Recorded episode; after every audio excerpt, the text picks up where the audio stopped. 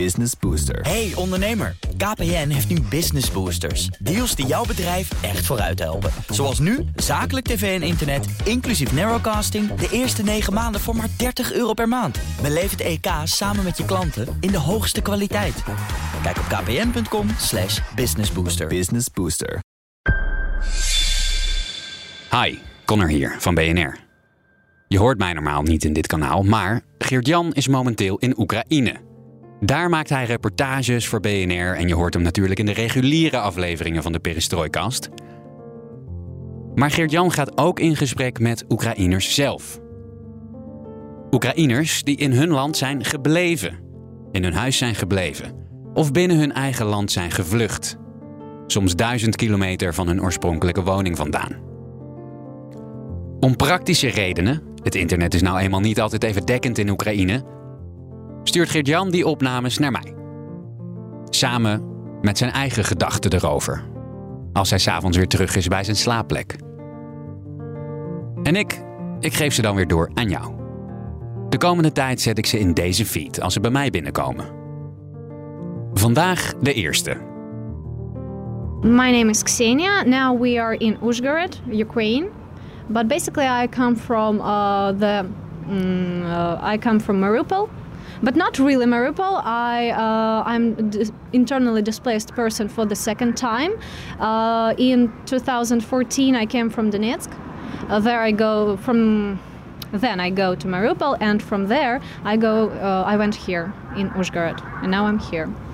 I work in uh, a humanitarian hub. I am Mariupol. I work in a daycare for kids uh, from Mariupol. Uh, we work with um, people from there. We uh, assist them in anything that we can do. So we provide medical care, uh, psychology, um psychological help, uh, food kits, hygiene kits, and also we entertain kids, something like that. And there are many people from uh, the east of Ukraine in, in Uzhhorod? Yeah, there are lots of them because you can hear it on the streets. You can hear your native native talk. You can see even sometimes you can see people with familiar faces. So that's a lot of people. I know that in Transcarpathian uh, region uh, there are 1,000 people from Mariupol.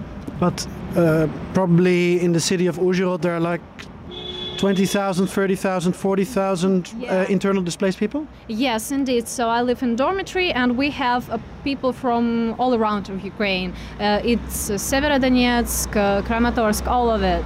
And are you are you still in touch with people from Mariupol or Donetsk who are still there? uh, with some of them, but basically we have uh, different views on the life, on the war. So it broke my family, and uh, basically I talk with people who are here who decided to leave Mariupol, not to live in occupation. And this place, Uzhhorod, it's far away from the front line. But in which way do you still feel that there's a war in your country? Um, first of all, I never know where my husband will go to war, or will he, or will not. I don't know. Uh, will there be a starvation, a big, famine in our country? So I don't know that, and I'm not sure that there won't be. uh, I don't know, maybe nuclear strike or something. So maybe in that. But basically, we try to live a simple life. Uh, so we go to, we do sport, we do art, uh, we we have fun. Um, but sometimes, of course, we see when we see injured soldiers, when we have kids, troubled kids who have problems, um, basically like that.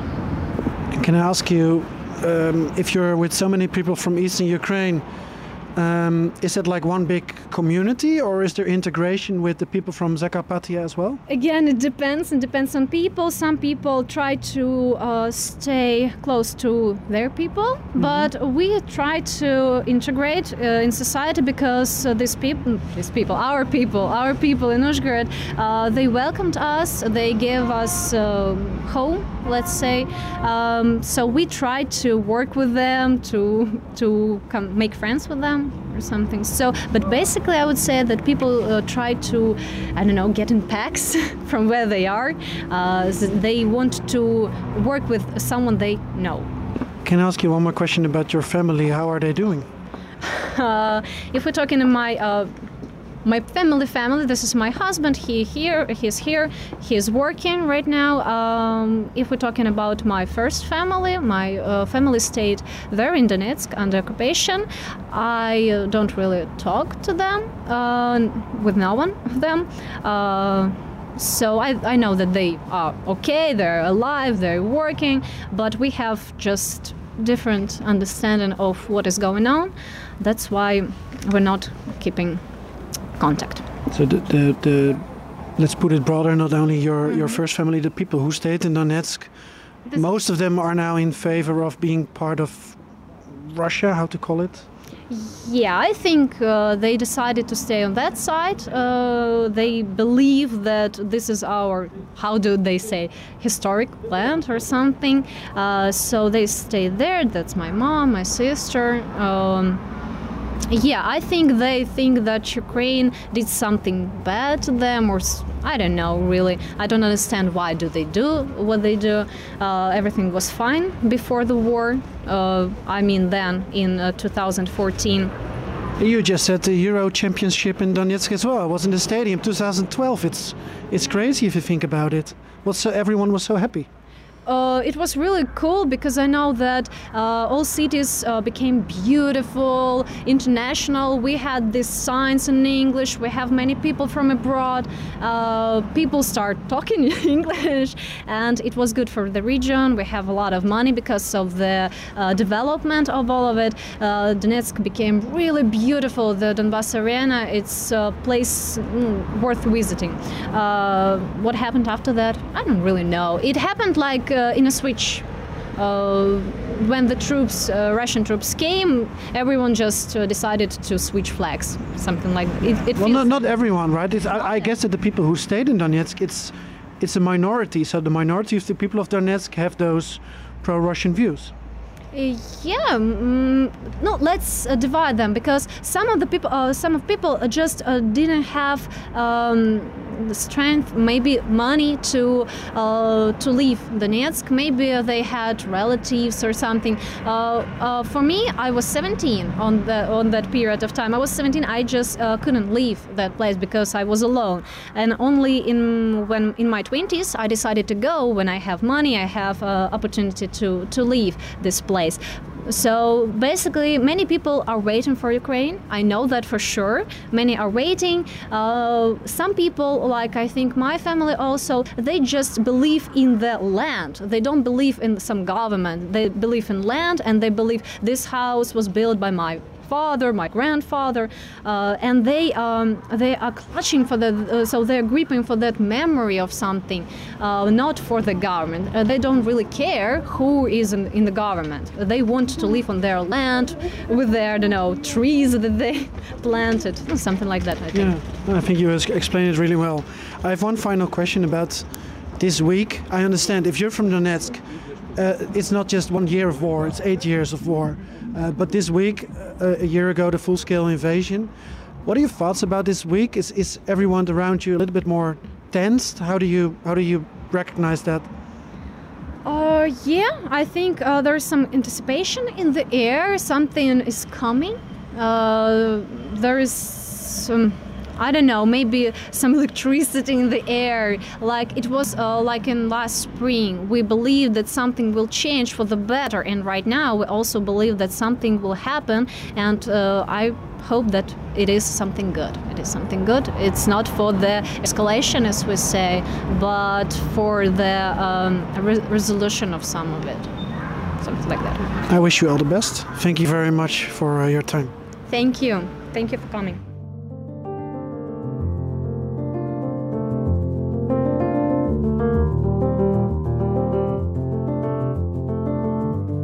Er zijn een aantal dingen die mij opvallen, die ik van tevoren niet helemaal zo had gerealiseerd.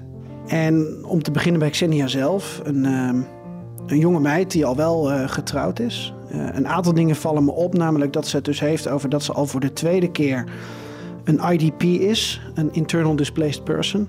Dus voor de tweede keer vluchteling in eigen land. En zeker in Oezerod, in een stad, het uiterste westen van Oekraïne, eh, met één teen in de NAVO, eh, tegen de grens met Slowakije aan. Daar zijn zoveel mensen die ik daar dus heb gesproken, inderdaad, wat Xenia ook zegt, die uit Kharkiv komen, uit Mariupol, um, uit Dnipro, maar die daarvoor al in Donetsk woonden. En dus voor de tweede keer in acht à negen jaar tijd zijn verhuisd. En soms ook vaker. Ik heb ook met Lilia gesproken. En Lilia met haar eh, zoontje en haar eh, man Vitalik... die zijn vanuit Donetsk verhuisd naar Kiev. En vanuit Kiev dan weer naar Polen. En uiteindelijk toch weer terug naar Oezerod. En in Oezerod, die, die, stad die groeit uit zijn voegen. dat is ongelooflijk. Een stad van 100.000 inwoners met zeker nou ja, ik zeg in de audio 20, 30, 40.000 mensen erbij. Maar dat zijn dan alleen de geregistreerde Oekraïners. En daar had ik niet aan gedacht. Um, ik dacht mensen willen of blijven of naar het buitenland gaan. Maar het westen van Oekraïne, zeker tegen de grens, dat loopt zo vol. En Oezerod is ook uh, deze week gemeten. Dat heeft dus de hoogste huurprijzen van het land. Het is duurder om daar te wonen dan in Kiev bijvoorbeeld. En dat heeft te maken met de locatie. Dat heeft te maken met de hoeveelheid mensen. En heeft ook te maken met dat er ook bijvoorbeeld eh, mensen uit de IT-sector zijn gaan wonen vanuit Kharkiv. En dat zijn mensen met hogere salarissen, hogere standaarden. En dat drijft de prijzen ook op. We kennen dat misschien wel vanuit Nederland. En ja, dan heeft uh, iemand als Xenia, um, ja, die zit dan op een, uh, een studentenkamer. Um, het is maar even zo. Alleen je krijgt wel de indruk dat veel mensen daar misschien toch gaan blijven. Je hoort zoveel Russisch op straat. En Xenia zegt ook, je komt bekenden tegen. Daar had ik ook niet over nagedacht. Dat je dan duizend kilometer van huis bekenden tegenkomt uit Donetsk of uit Mariupol. Wat ik ook wel lastig vind is het verhaal van haar over haar familie. Um, haar eerste familie, uh, die in Donetsk zijn gebleven. Haar ouders en, en zus. En uh, ze heeft dan nu een nieuwe familie. Ze heeft een man. Maar dat er ook geen contact meer mee is. En dat die mensen dus uh, ja, het eigenlijk gewoon niet uitmaakte wie daar de baas was in Donetsk. Of sommigen dan weer wel, maar dat waren volgens, volgens Xenia echt Russen. Er ging toch wel weer een, een, wereld voor me open. Je weet het allemaal wel, maar het is een extra realisatie. En, en zeker dat je dan zo vaak in je leven moet verhuizen. Uh, in zo'n korte tijd voor oorlog moet vluchten. In eigen land. En dan ook nog in eigen land blijft. Ja, dat is me toch wel duidelijk geworden in Oezerod, waar dus echt ongelooflijk veel uh, mensen uit het oosten van Oekraïne zijn. Je hoort ook heel veel Russisch tussen op straat. Daar maken de uh, nationalistische West-Oekraïners zich dan weer zorgen om. Maar het is toch anders dan in 2014. Want in 2014 gingen mensen vanuit Donetsk naar Kiev bijvoorbeeld. En werd er gezegd van ja, wat, wat moet jij hier? Uh, ben je niet een Rus? En nu het is soms schoorvoetend, maar nu is het hele land natuurlijk zo doordrongen van die volledige oorlog die Rusland is gestart, dat er toch iets meer nationaal begrip is. Uh, die taalstrijd is ook iets minder aanwezig dan we soms denken. Maar het blijft natuurlijk verschrikkelijk wat, uh, wat iemand als Xenia meemaakt. En mooi dat ze dus met die um, uh, Mariupol-centers, die dus in heel Oekraïne eigenlijk zijn, en met die community van duizend mensen uit Mariupol in uh, Oezerod en uh, Zakarpatje-regio ja, dat ze zich toch een klein beetje thuis voelen. Ook al zouden ze het liefst natuurlijk terug naar eigen huis willen. Maar zeker in het geval van Mariupol en Donetsk zit dat er voorlopig niet in.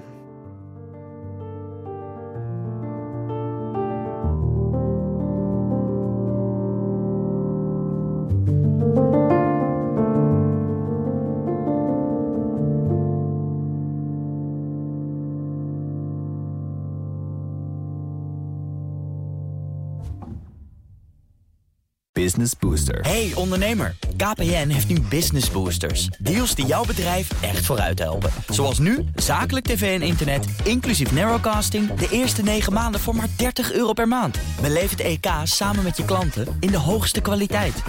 Kijk op kpn.com businessbooster. Business Booster.